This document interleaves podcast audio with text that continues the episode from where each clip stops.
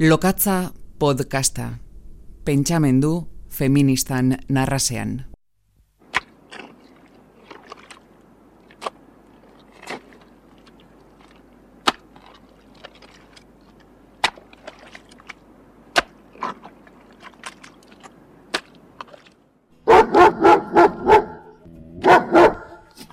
Etxeari kateatutako zakurrak nola dio Leire Bilbauk etxeko urak poema liburuan. Zakur lotuak, etxekotuak, bezatuak, isolatuak, erotuak, amorratuak. Etxearen zaindari, etxeko aingeru, kateko emakumeak. Etxeari kateatuta geunden eta gaude.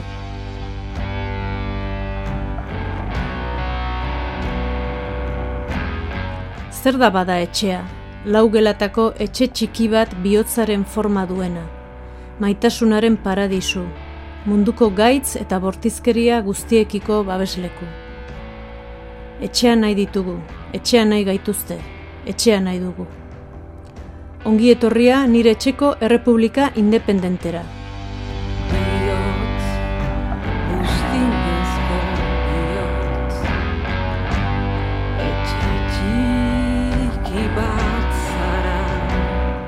Eta etxera iritsi eta atea isten da bizkarrean.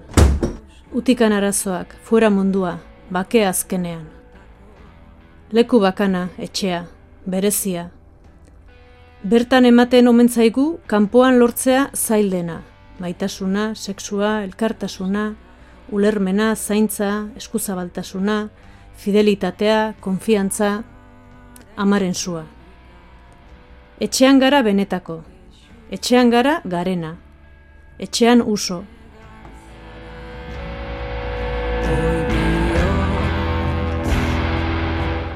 Ate itxiko etxea, lau gelatako. Zer dakazu baina benetan barrenean? Zer dago geure atariko gainontzeko ate txiki horien bestaldean? Alboko etxeetako ateen atzean? Kaleko etxe guztietako ateen aitzinean? Auzokoetakoetan, herri eta hirikoetakoetan, etxe itxia atea bezala, opakua, itxua, iragangaitza, zeharkazina, konfinatua, perimetralki ertsia.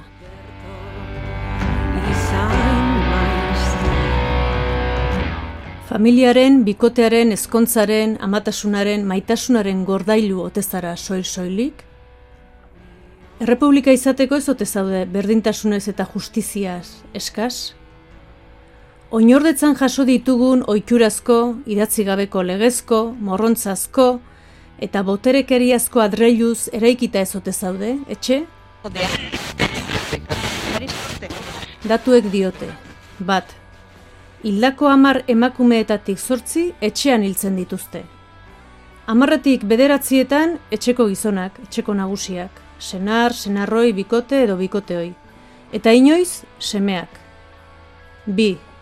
Europan bataz beste, urtean, irumila bosteun ume hiltzen dira etxe barruko violentziaren eraginez. Ate itxiaren atzean. Etxean otxo. Etxea, maitasunaren, babesaren eta zaintzaren eraikin behar zuena, sexualitate baituaren, indarkeriaren eta lan ordaindu gabearen gotorleku izan eta etxe etxe eraikitzen da eta sostengatzen da adreiluz adreilu bezala geure gizartearen eraikin osoa. Aitaren etxea. Etxea luxu, etxea espekulazio, etxea zor. Etxea kapitalismoarekin sinatu dugun hipoteka globalaren kontratu. Etxea kate, etxea kalte. Ateak ireki eta kale hartuko bagenu zer etorriko litzateke goitik behera? Nous passons de la vie à la mort. Nous passons de la vie à la mort. Nous passons de la vie Lorea Aguirre. Nous passons de la vie à la mort. Tu es né dans des draps aseptisés. Dans une propre maisonnée. Où on te dit soi-disant en liberté. Mais as-tu vraiment décidé que tu es né pour une vie aseptisée. Où soi-disant on est en liberté. Nous passons de la vie à la mort. Nous passons de la vie à la mort. Nous passons de la vie à la mort. Nous passons de la vie à la mort. On te fait voir la misère d'à côté. J'ai été voir de ce côté ce qui était le mot respecté. Ils m'ont parlé du passé, m'ont dit pour pouvoir évoluer, il nous faut nous baser sur ce qui s'est déjà passé. Nous passons de la vie à la mort, nous passons de la vie à la mort, nous passons de la vie à la mort, nous passons de la vie à la mort.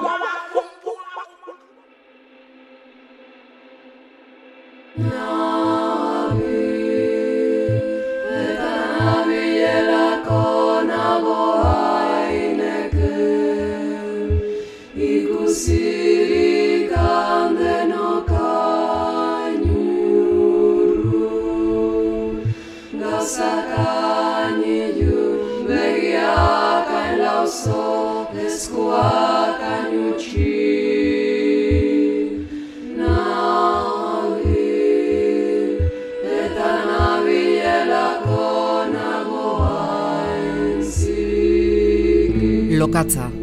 gabiltzalako gaude ainezikin.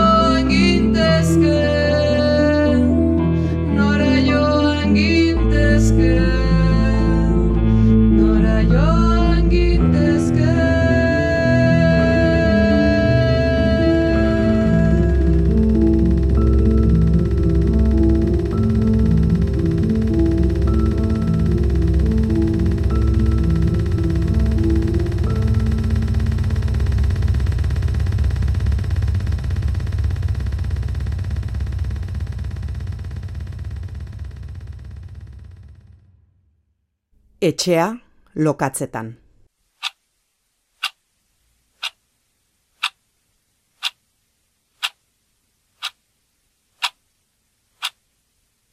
Erlojua. Dama txipi-txipia, txoribihotz baten barruan bizi da. Egun sentiarekin irten da silaba bakarra esatera. Ez. Alejandra Pizarnik.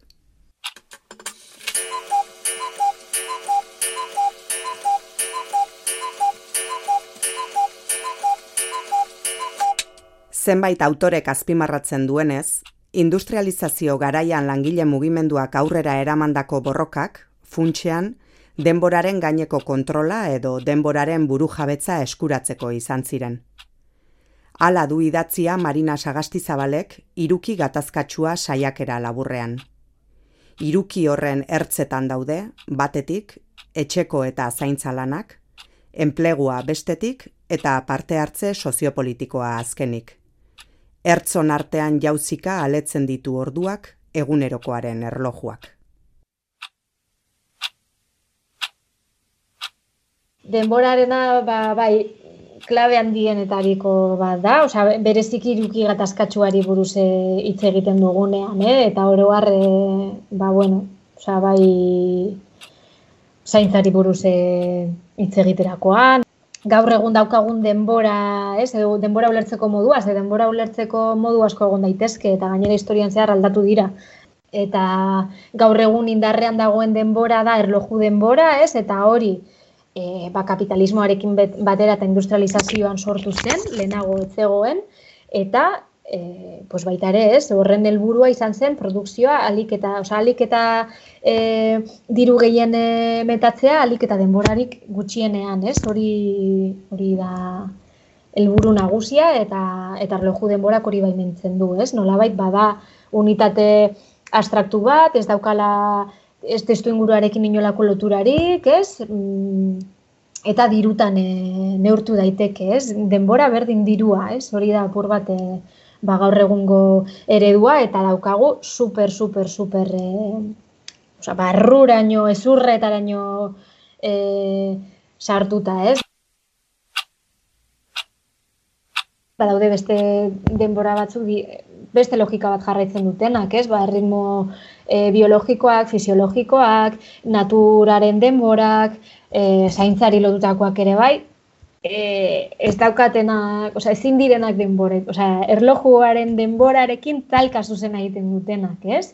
E, ezin delako olako azeleraziorik eman, e, olako erritmoetan, ze, ze ezinezkoa da, ez? Hau da, ume bati janematen behar janeman behar zaio, ba, gozea duenean, ez? Eta hori ezin da guztiz aurre ikusi, ez? Edo noiz egingo duen kaka, edo, edo pertsona nagusi bat, ez? Noiz e, beharko du komunera joan, edo noiz, oza, ezin dira aurre ikusi, edo noiz eroriko den eta beharko du gero, e, ez? Ba, basauri hoiek, e, e, garbitu eta barrez, ezin da aurre ikusi, ezin da e, ez, ba, erloju denboraren logika hori aplikatu eta eta horregatik etengabeko talka da, ez? Eta iruki gatazkatxo hori bizi duten e, pertsonek, ez? Ba, ba, talka hori etengabean bizi dute, ez? E, ustartu behar izatea, eguneroko bizitzan eta aldi berean, ba, hain logika ezberdinak, ez? E, denbora ulertzeko modu ezberdin horien gurutzaketan, zaintzaren eremuan, denboraren neurri oro distortzionatu egiten da. E, alde batetik ez, gaur egun daukagun eredua e, ba, desparekotasunetan oinarrituta dagoela, ez, e, zapalkuntzetan e, oinarrituta dago eta gainera krisian dago. Eta ba, orain arte izan dugun ereduan, e, lana, osea, zaintza lanak, ez, egon dira, bueno, eta oraindik, eh, e, badira, ikuste zinak eta errekonozimenduri gabeak, eta egon da, ba, e, osea, nola bai gizarte antolatzen da horren bueltan, ez, edo badago estruktura oso bat, ba, hori horrela izan dadin, ez, ba, antolatua dagoena nola baitez.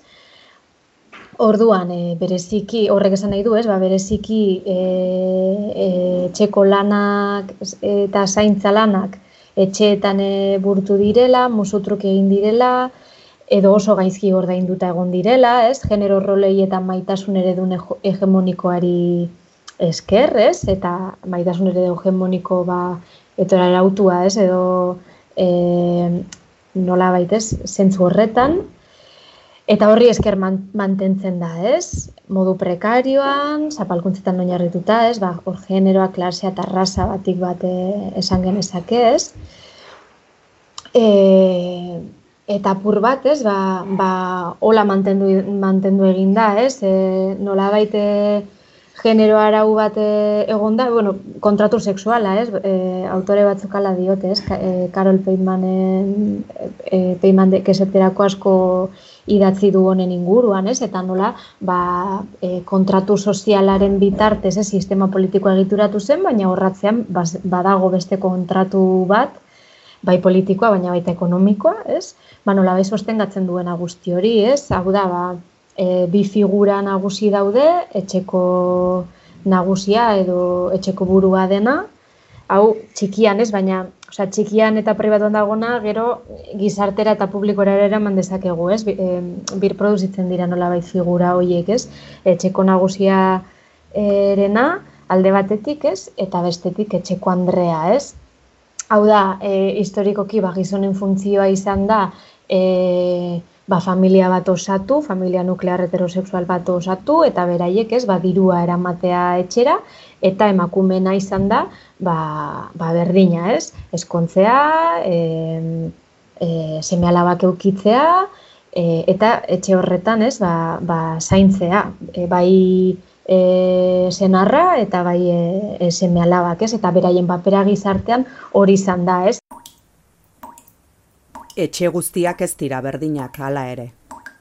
Egia da, ba, langile familia askotan eredu hori ezinezko izan da, ze emakumen soldata ere beharrezkoa zen, ez? Baina zer egiten zen, ba, merkatu informaletan, eh? Mer, mer, osea, ekonomia informalean, ez? Ba, e, ondokumeak zaindu, portala garbitu, e, ez, eskondo horretik neskame, ez? Hori oso ohikoa izan da ere bai, ez? Baina, bueno, pixkat hori, hori da, e, bauki dugun eredua, ez? Eredu horren lekukotza ugari jasotzen dira Jon Abrilen Neskatoak filmean. Amala urte nituelaik, bile beten dako itxasura ganitzen. Ni amasei urtetan joan itzen, Antoni Itxiarratzen zen ostatuan han egon du nitzen emetzi urte arte, eta beti urte eta frantzeri joan itzen. Eta amasei urtetan joan nintzen, egon nintzen sei urte, hogeita bi urte arte, hogeita bi urtetan joan nintzen frantzira. Amaseietik mezortzira dantxarinean eta gero ezperetara. Eskolak autu orduko lesakan eh, egon du nintzen aur batzuk idatzen. Eta gero lesakan aurra kontu eta ama urtetan joan nintzen irunara. Entor nintzen laminazionesera, laminazionesin inun urte bat. E, fabrikan hori limpiezan. E, limpiezan e, urte bat, Azkaina ganitzen, eh, baiona gana aintzinean, aintzineko udan. Amasei, amazazpin gabe. Ni joan itzen, eh, amala urtetan nola izango zen, eh? Donostira? Donostira lemiziko. Aitzez ukergo pasatu nun lehemiziko joan itzenin irunara, zertaz, joan itzen ama urteetan, irunan inzanen un nigar pil bat, min urruinan ez dut inzanen bainere.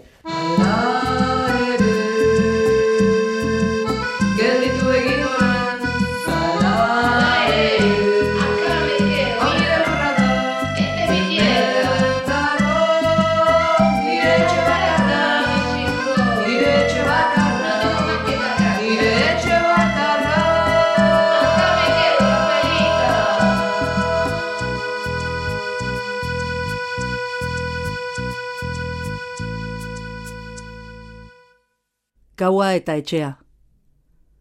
Gauak biltzen ditu etxea eta haren isila. Zimenduetatik, oinarrietatik hasita.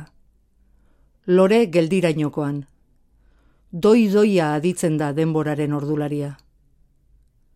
Gauak biltzen ditu etxea eta haren zoria. Orain, deus ez da barreiatzen ez banatzen. Dena erne dago altzifrea bezala. Utsa bere espazio bizidunetan barrena dabila. Sofia de Melo.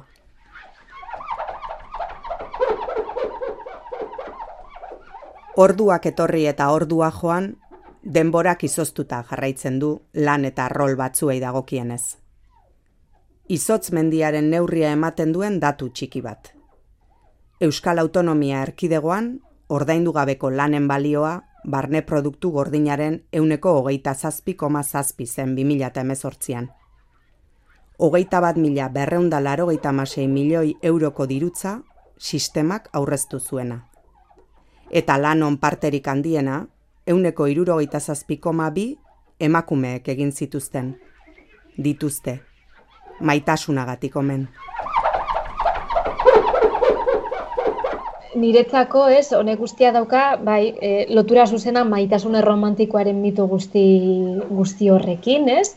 Eta maitasun erromantikoa, osea, nolabait erantzuten dio, ez? Ba, regimen heterosexualari, ez? Dagoela guztiz lonta patriarkatuarekin, ez? Nolabait ezin dira banandu. Eta, eta azkenean, pues, maitasun erromantikoaren eredu e, honi esker, ba, bultzatzen dutena da, ez? Edo edo bai lortu nahi dena da birproduzitzea familia eredu oso konkretu bat, ez? Non berriro, pues egongo da e, etxeko nagusia, etxeko Andrea, ez? Gainera biak izango dira osagarriak, ez? E, nolabait bakarrik egongo zara munduan halako e, ez? Ba, familia eredurik sortzen ez baduzu, gainera zure Osa, naiz eta modernizatuz joan den, e, kontaketa hau, egia da, ez? E, modernizatuz joan da, baina funtsean e, ba, elementu gehienak ez e, mantendu dira. Eta, eta gaur egunez sozializatzen gaituzte genero arau e, berdinetan ez, edo behintzat e, ba, bai, ikutu batzuekin, pixkat toke modernoago batzuekin, ez? e, politikoki zuzenagoak direnak, baina funtsean dagoena e, berdina da, ez? Eta da osatzea familia eredu hau, e, azkenean nun emakumeek bereziki, ez, asumituko dituzten, ba, ba, pues, genero, feminitatearen genero rolekin bat egiteko, ez, hori dela espero dena, pues, e, azkenean ez, ba, beraiek bai e, asumituko dute, pues, beraien bizitzako hainbat aspektu albo batera e, ustea esaterako, ez, ba, ba zaintzan e, e, aritzeko, eta gizonek ez dute asumituko inolako ardurarik hor, ze, ez, oraindik ere ulertzen da, ba, ba ez dutela zertan e, hori egin, ez.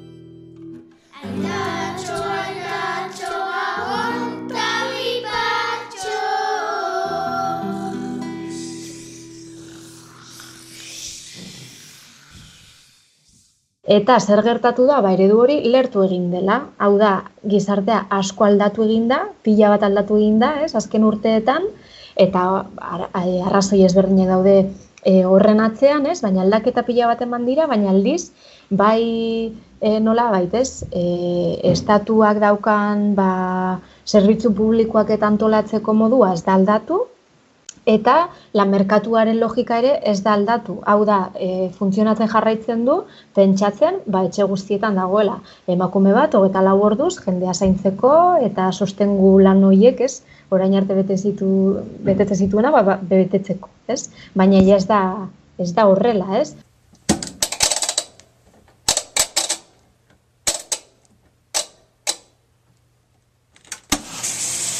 Hemen sustatzen dena da, bi etxeko nagusi egotea, eta orduan pues, beste pertsona bat kontratatzea lan guzti horiek eh, ez burutzeko, ez? Ta gainera, eh, askotan, ez, ba, bikote heterosexualetan gatazkak eta ekiditzeko oso modu erreza izaten da. Bueno, pues, diskutitzen ibili beharrean, e, kontratatuko dugu pertsona bat, eta eta jazta, nola ez dago diskusiorik, ez? Ez zuk egin behar duz, edo ez duzu egin, edo, edo hau, edo beste, edo...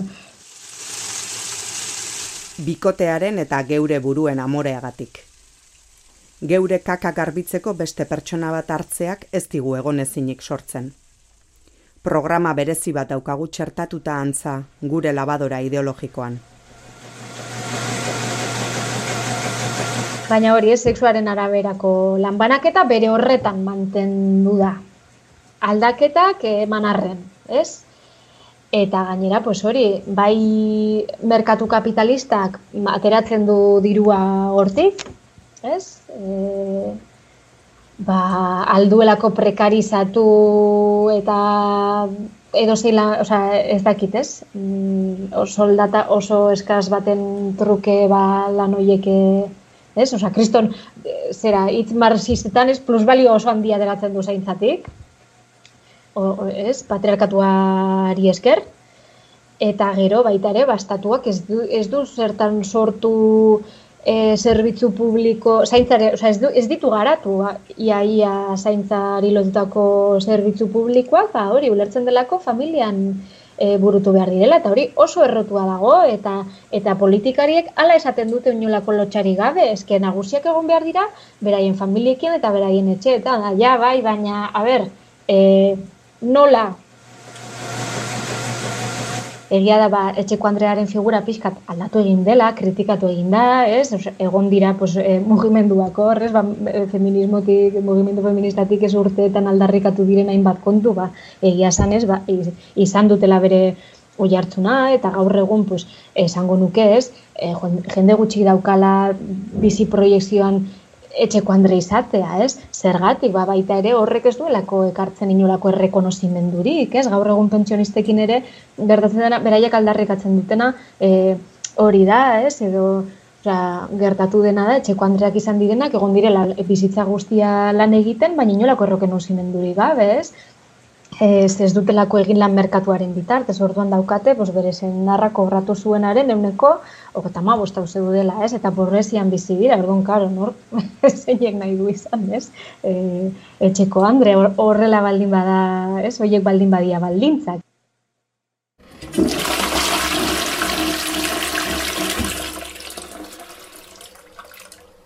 Hori gutxiez eta etxetik kanpo lan egindakoan ere, etxeko gizonaren osagarri gisa ulertu da oraindik emakumeen soldata. Hau zioen bego zeharretak esaterako, Bizkaiko adinekoen egoitzetako langileen greban bizitakoaz, 2018ko jakin jardunaldietan. Entzun genuen e, emakumeen soldata e, gizonaren soldata hunditzeko dela.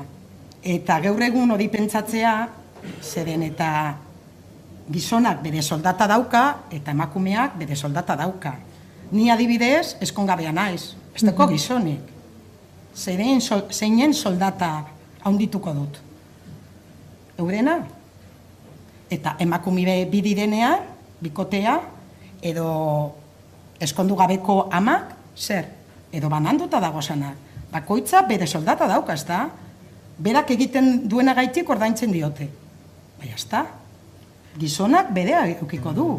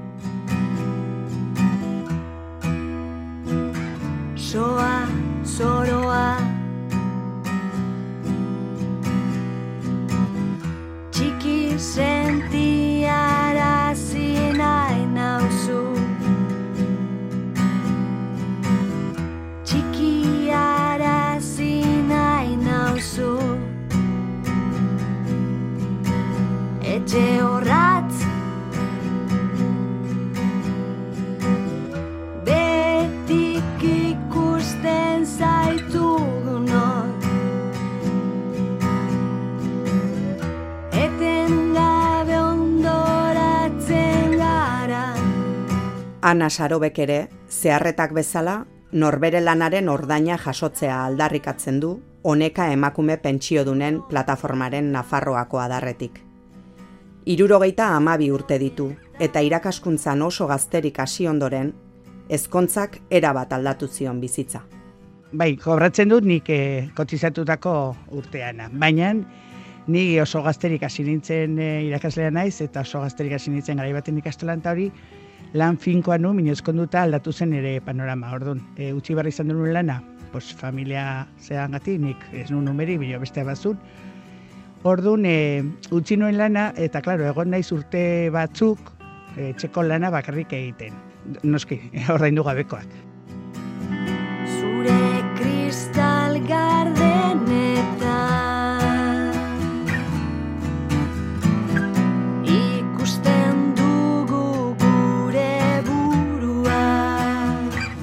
Dotea eman zioten etxeko lanetan murgil zedin. Gerra ondorengo Frankoren politika izan zen hori. Zan nahi dute emakumea ateratzen zuten etx, e, lanetik, bai, bialtzen zuten dote izeneko horrekin zela, duze. Eta gero, claro, etxean gelitzeko, umeak izateko, umeak eta senarra zaintzeko, eta abar, eta abar.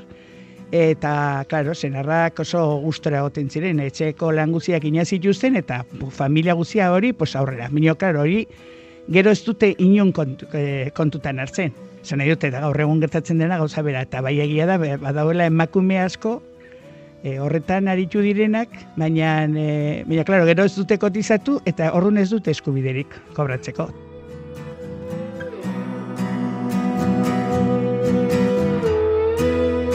Berak bai, berak kotizatu du, umeak ozkortu ostean lan merkatura itzuli zelako.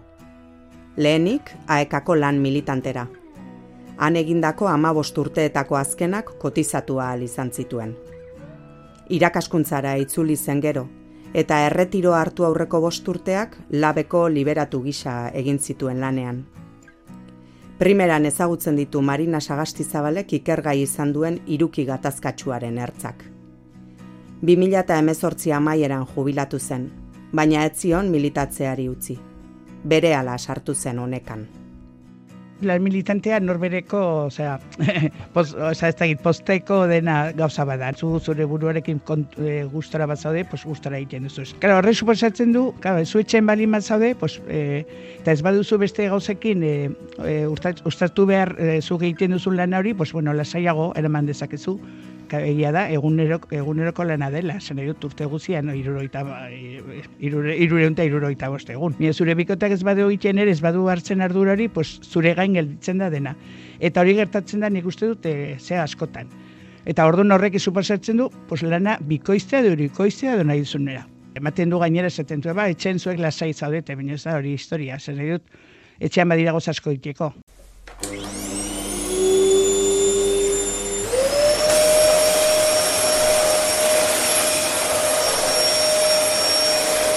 Bat ere kotizatu gabe, etxeko edota zaintza lanetan bizi osoa eman duten milaka eta milaka emakumeei ere, egindako ekarpena aitortu eta ordaindu egin behar zaiela aldarrikatzen du honekakoak. Guk daukagu kopuro bat, ez, mila eurokoa, daukagu pensioniste guztia gutxiengo pensioa kobratzea, bai? Eta emakume noski, zabatzu garritu da izan, nola, eta ez badutu kotizatu, nola kobratu behar dute, pues bai, senyor, egin dute hainbat lana, hori, kontatu ez dena inun, eta kobratu behar dute. Hor egiten, egiten dugun eta egin dugun eta egiten ari garen, e, zaintza hori ez da inuni agertzen. Eta orduan guk egin izan dugu, edo egiten dugu, e, zerbizio bat gizarteari ematen diogu. Egiten dugu lan bat e, ordaindu gabekoa, bai? Opari bat egin dugu. Eta horrek suposatzen du gaur egun euneko goita marra, herrialde bateko euneko goita marreko presupuesto bat zen dut. Claro, horrekin aurrezten da gozan nitz. Oi, adibidez administrazioak ez du eh, pues, eh, ez du burua usten, pues, imarritula aurre eskola txikia jaio berritik, pues, pues, konziliazio hori posible izateko, eta bar, eta badira gozasko, eta jende helduekin berdin. Baserrietan ibili direnak, eta bueno, batzuk eh, kotizatu gabe, pues, familia oso, adibidez, ezkon, inoiz ezkondu ez diren emakumeak, badaude, pues, eh, on dire baserrian eh, dena zaintzen, e, ilobak, e, e, senideak, e, gurasoak, eta abar, eta abar, eta abar, kotizatu gabe, eta bukatu dute, aletu dire jubilazio adinera, eta ez dute ezer kobratzekorik. Adibidez, e, eskondu dena, alarguna gelditzen bada, horren kobratuko du bere senarraren pensioa. Ze hori ere kendu nahi dute, edo jetxi nahi dute. Eta gero baita ere prostituzio nibilide beste batzuk, beste batzuk emakume religiosak, eta hori guztiak galdetzen diren momentu batean, pues ez dutela pensio horiek ere. Eta hori da, hori da pizka bat, panorama, emakumeen panorama. Babesgabetasunaren zurrunbiloak irentsi ditu ia denak zahartzarora heltzean. Bakardadeak ere bai asko. Eta bakarrik ez daudenetako dezente, ondokoaren indarkeriak. Violentziaren historia ere, pues, oain arte ikusi da, bakarrik, normalen ikusten zen gaz, jende gazteengan. Izan, gazteak izan zuten, eta zaizertara. Baina e, zarrak ere, e, zarrak ere izan dute asko, eta hori dago pizka bat disildua.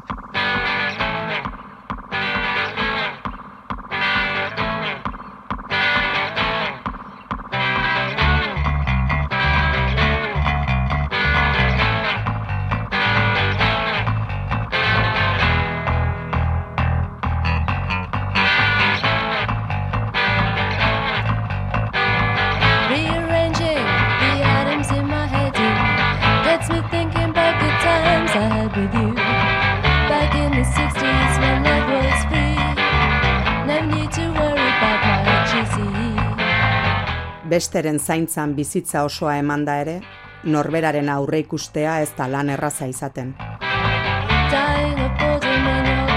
Nik ez du joan nahi residentzia, ikusiko zu zuek ere ailegatzen zaten gure dinera, ea nahi, nahi duzuen residentzia batera joan, edo etxean gelitu eta etxeko, etxean, e, behar bat zu laguntza, etxean egitea zure, zera, zure laguntza. Mi hori administrazioak eskaini behar du, noski. Badago laguntza, pues, esan dut, eh, SAD edo deitzen dena, servizio a domicilio, atención domiciliaria doi, baina hori oso gutxi da. Orduan beharko luke, pues hori zabaldu, hobetu, ni oraindik ongi nago eta bueno, ukituko dut hemen maila kutzen ari naiz estudiokoa. Baina esan nahi dut ez dut bizi nahi hor geto baten aparte ez dakin nun. Ze claro, beste da hori hemen iruinen ari oin hasi dire, bueno, ari dire egiten beste berri batzuk, baina pribatuak, ez da hori kartzela bezala dode aparte, ebaz, erdigunetik fuera. Baina nire adibidez nik ez dut nahi hori. Ni nahi dut, nire etxean egon, eta ni bi- bizi nahi dut, ni bizi nahi zen auzoan nire jendeakin, berdin, adin guzitako jendeekin, eske hori da gizartea.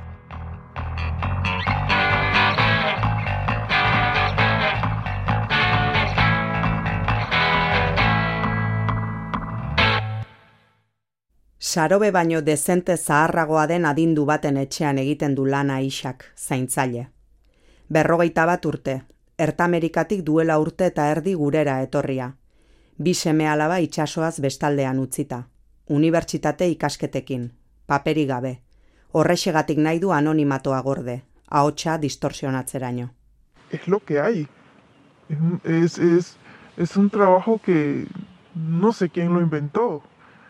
Ya está ahí, ya está, ya, ya la sociedad lo acepta como tal. Un trabajo interno, ya sabes que 22 horas dentro. Hogeita bi ordu zegunean etxean lanean. Asteburuak libre. Inork ez daki nork, baino lan hau aspalditik dago asmatua. Gizarteak alaxe onartzen du. Tengo que aceptarlo.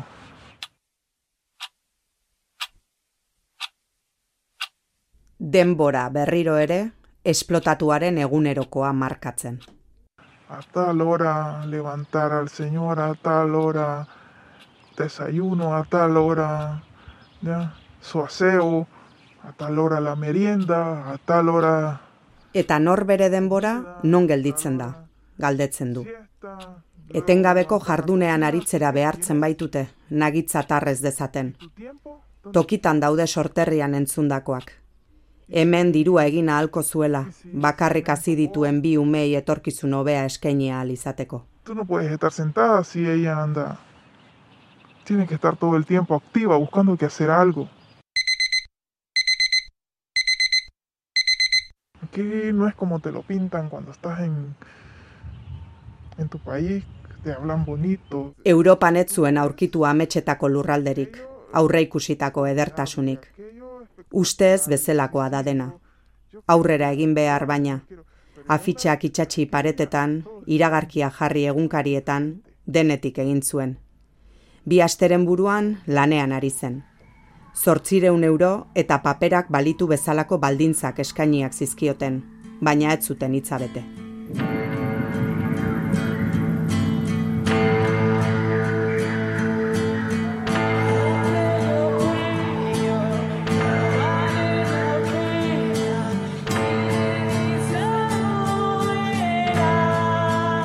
Ez dut hau onartu beste aukerarik, ez daukat paperik.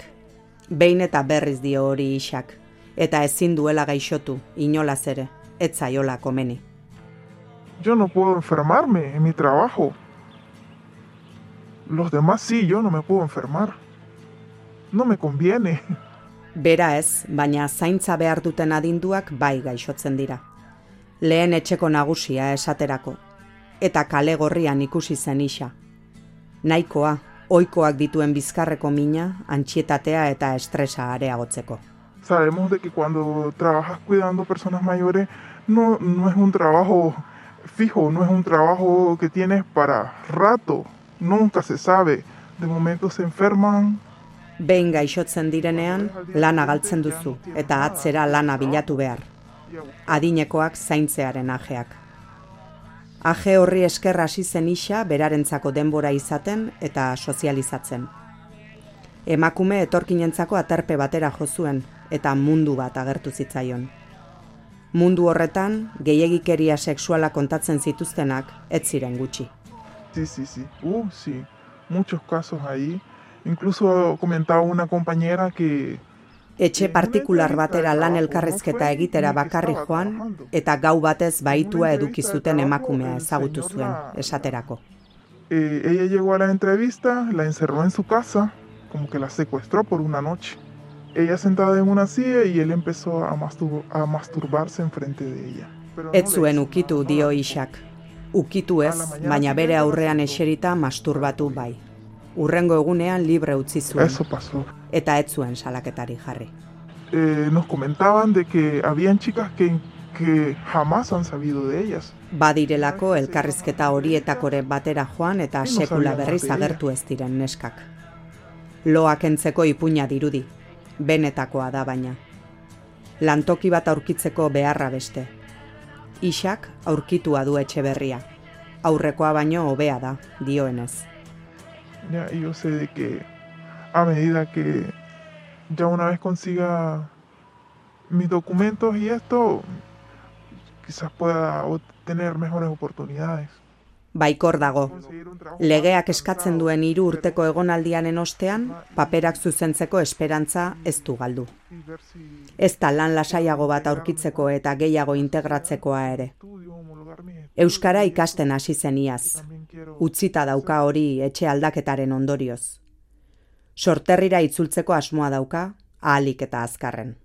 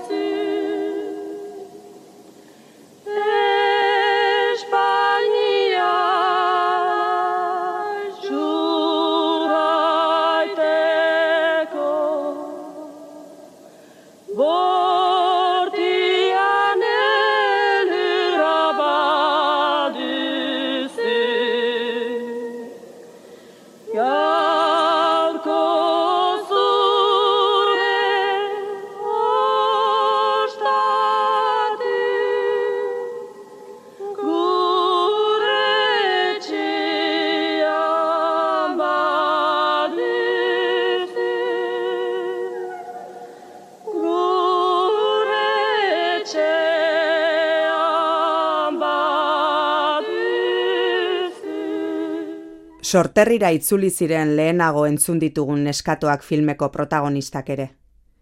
Duela berrogeita hamar hirurogei urteko neskame ibilerak ez dituzte ahaztu.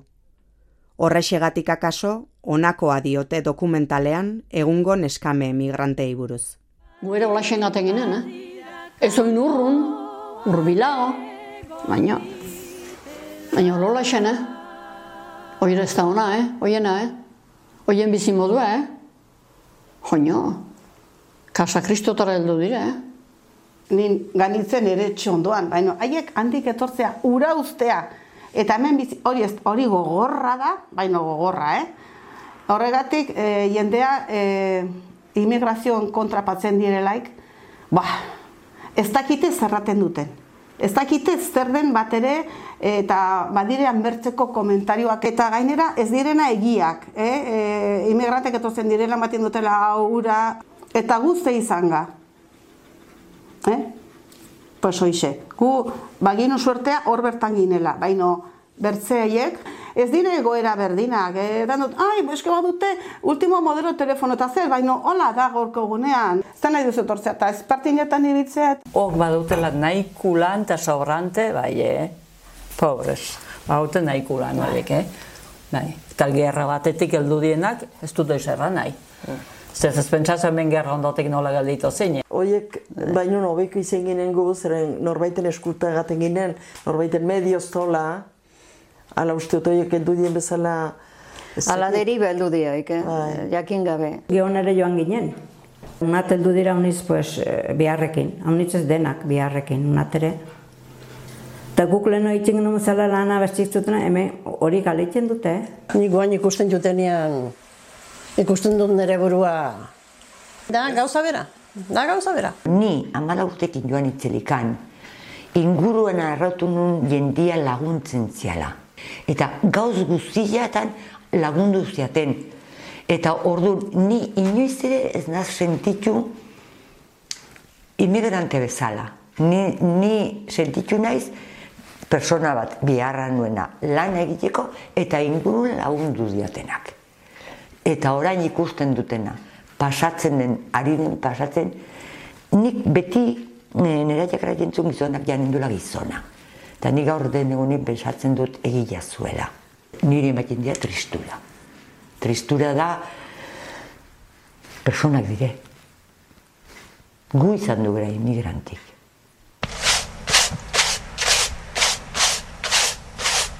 Bizitzaren zoru guztiak zikinduak dizkigu zaintzarako gure gabezia kolektiboak. Marina Sagastizabal soziologoaren iritziz.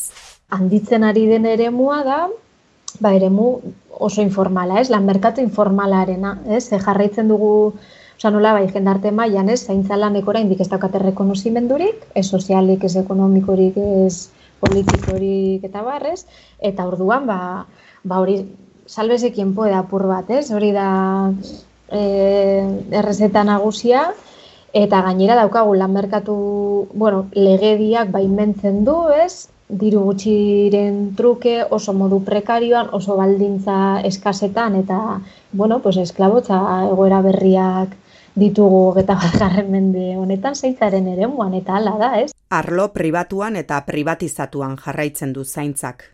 Etxean konfinatua eta emakumeen bizkar. Horren arrastoa garbituko digun erratzik ez daukagu oraingoz, baina ikuspegi publiko eta komunitarioa lehen lerrora ekartzetik etor daitekela uste du sagastizabalek. Ba, baita hitz egin barko da, zer nahi dugu? E, dena publikoa izan, zaintza guztia publikoa izan behar du, eta guk ez dugu ezer asumitu nahi, ba igual hori ere ez, ez, ez dugu nahi, ze egia da, ba ez dakit ez, edo nik imaginatzen dut, edo pentsatzen baldin badut etorkizunean, ba litzateke gustatuko ere ez nire azken urteak ospital batean pasatzea, ez hori bada eredua, ze gaur egun egoitzetan dagoen eredua hori da, oso hotza da, oso pues eske ez dut hori nahi ere, ez, ez? Orduan, pues guazen begira formulatzera eta begiratzera beste, ez? Ba, ez dakit, ba, eremu publiko eta komunitarioaren arteko hibridazioak, niretzako ere bai, ba, garrantzitsua da, ez, individualismo horrekin apurtzea eta komunitatetik ere ba, zaintza eremu komunitarioa, baina hori izatea estrategikoa, ez, e, bi grebetan urtean behin, ez askotan gizonik, ez dakigu zer karpen egin e, borroka feministan, pues zaindu, sortu, zaintzeko komun- komunitarioak esaterako, ez, e, olako espazioak, osea, ez, dakit mugitu egin gauzak. denboran gelditu eta gelditu denbora. Eta gu ibili denboran eta guk zeharkatu denbora enarabeltzak bezala. Eta guk egin denboretan denbora. denborak zahartu, ihartu, baztertu, irentsi ez gaitzan. Denborak inoratu ez gaitzan. Karmele igartua.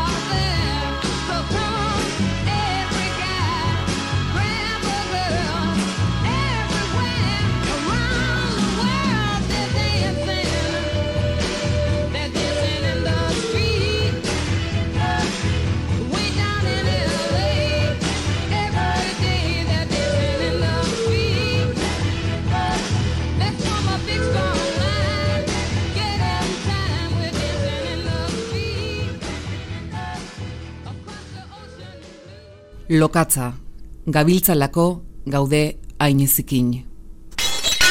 Ai, gure joaneteak.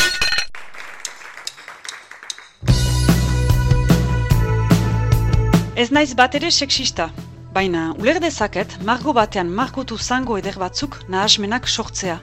Bereziki, zango ederik ez dutenen kasuan.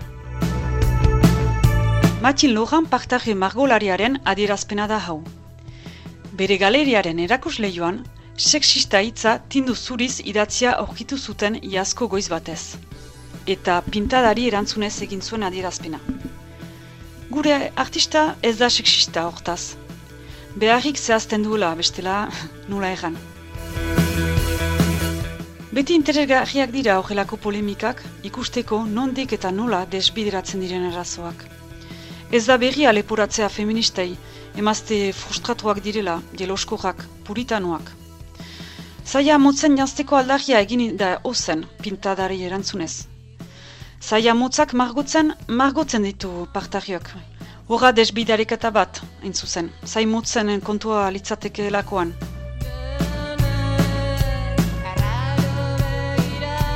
Artean, erria aldizkariaren zutabetxo batean, pintada salatu du, bere iduriko pintadarekin zaiak luzatzeko eskaera egin baita. Horra erri aldizkaria beraz, zaia motzak aldarrikatzen. Eta bide batez, partarioren arrakasta berresten. Arrakasta badu matxin loran partarioak, hori bai. Bere margoak garesti ordaintzen dira. Leku anitzetan aurki daitezke, originalak edo kopiak. Ostatu, jatetxe, elkarten egoitza, etxe pribatu edo beste. Etxaun iruri pastoralaren afitxa ere egin zuen partarioak adibidez. Memorietan gelitzen den afitxetako bat. Badaki magazten eta margotzen artistak.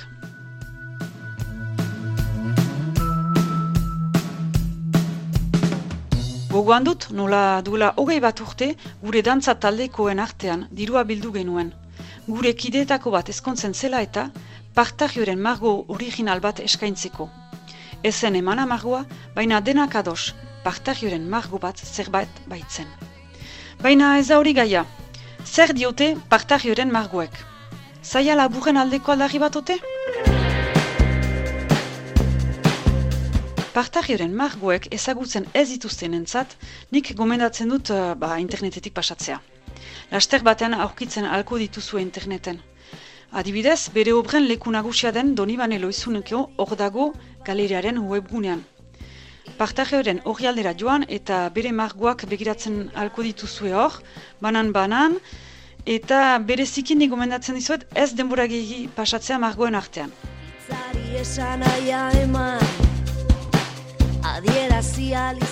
Hori eginik orain erantzun zintzoki galdera honi. Nora doa zuen begirada lehen kolpean. Nire kasuan eta ingurukoen kasuan ere, ber- beraz suposatzen duzuenean ere, protagonista emaztearen bularretara edo bere delako zango eder horietara. Margoaren antolaketak, emaztearen kokapenak, argiek, denak egiten du emazte horren gorputzaren atal horietara doala gure begirada. Bada margo andana bat horrela antolatua. Partarioren ezaugarrietako bat da. Ez ezaugarri bakarra ordea. Beste ezaugarria, emazte horrek ondoan duen gizuna. Eskualdunaren arketipo bat. Hala esplikatua izan dugu artistak, beti sudur luze eta kokots markatuarekin. Eta beti irri batekin, eta batez ere, beti begirada batekin. Bada, begirada hori da kontua. Zer gertatzen da? Bezala Mundua da zabala Gizonak anitzetan saietxetik begiratzen dio emazteari. Eta emazteak berriz ez du baita ezpada gizona begitara begiratzen, batzuetan bai, beste batzuetan ordea, alegia egiten du. Begirada sentitzen du agiri da, baina bestaldera begiratzen du. Saietxeko begirada hori badakizu, batekin bezala. Baina anitzetan bere begirada frango lausoa du emazteak, kolore argiekin. Amanda formakoa, mm, badakizu. Bada beste elementu bat ere deigarria egiten zaidana. Anitzetan margotu ezenak leku publikoetakoak dira. Karrikan, ostatuan, saltokian, plazan. Eta ageri da delako emazteak eta delako gizonak ez dutela elkar ezagutzen. Eta hori ez da detaile bat. Ideia ez da erraitea horrelako zaila motzak, horrelako begiradak edo irri, horrelako irriak dituzen emazteak ez direla existitzen. Not olmen eta betiko eztabaida desbideraketetan ez naiz sartuko. Nik arazoa beste nunbait sentitzen dut. Leku publikoetako jazarpenaren sublimazio bat ikusten dut margoietan, behin eta berriz, behin eta berriz. Beste ariketa txiki bat proposatzen dizuet orain. Horrelako begiradak, karrikako gizon interesatuaren begiradak konplimentuak direla diotenei bereziki. Demagun karrikan ibiltzen ari zerrera lasai-lasai. Eta hor entzuten duzu norbait. Edera zara egun, edo zentzaia polita, edo olako zerbait erraiten. Ez badiozu erantzuten, delako partarioak emaztei margotzen dien begirada hartzaile laso, lauso horrekin ez badiozu erantzuten, egan nahi dut, edo ez badiozu kasu egiten, laster aserretuko zaizu pertsona. Laster etorriko da iraina, ze? Ez duzu entzun? Edera zarela diok eta zu kasurik ez? Eta hain txigur laizter ukdanga edo olako batzu entzunen dituzu. Kasik automatikoa da. Ez baduzu neoiz horrelakorik bizi izan galdetu zure inguruan. Ikusiko duzu, mundu bat deskubrituko duzu. Ez baita konplimendu histori bat, beste zerbait da jokoan. Emazten gorputza gizonen zerbitzuko, beren begiradaren zain daudela edo, hori nahi du erran partariok. Hm. Errazu du partariok, ark ditu pintzelak, eta pintzelekin nahi duena erran arazten aldie begiradei. Nik pintzelik ez dut, baina nik sexismoa edo sexista zer den eta zer denez sexista, hori nik badakit.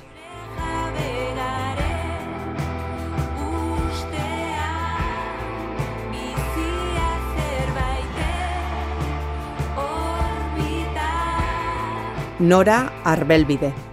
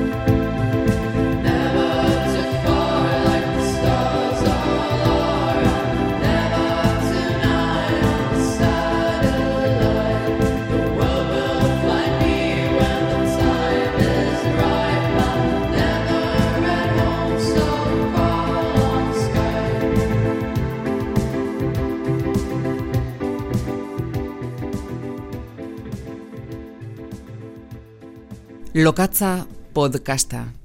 Pentsamendu feministan narrasean.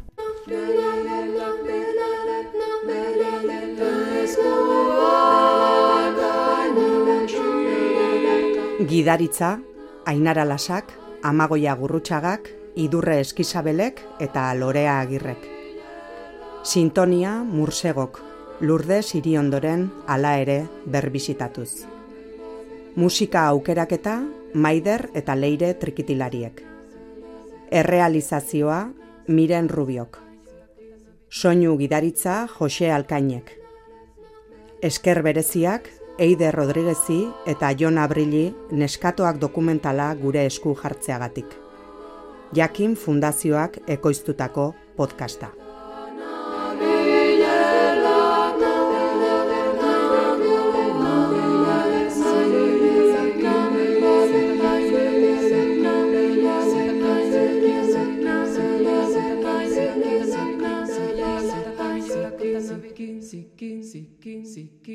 seeking, seeking.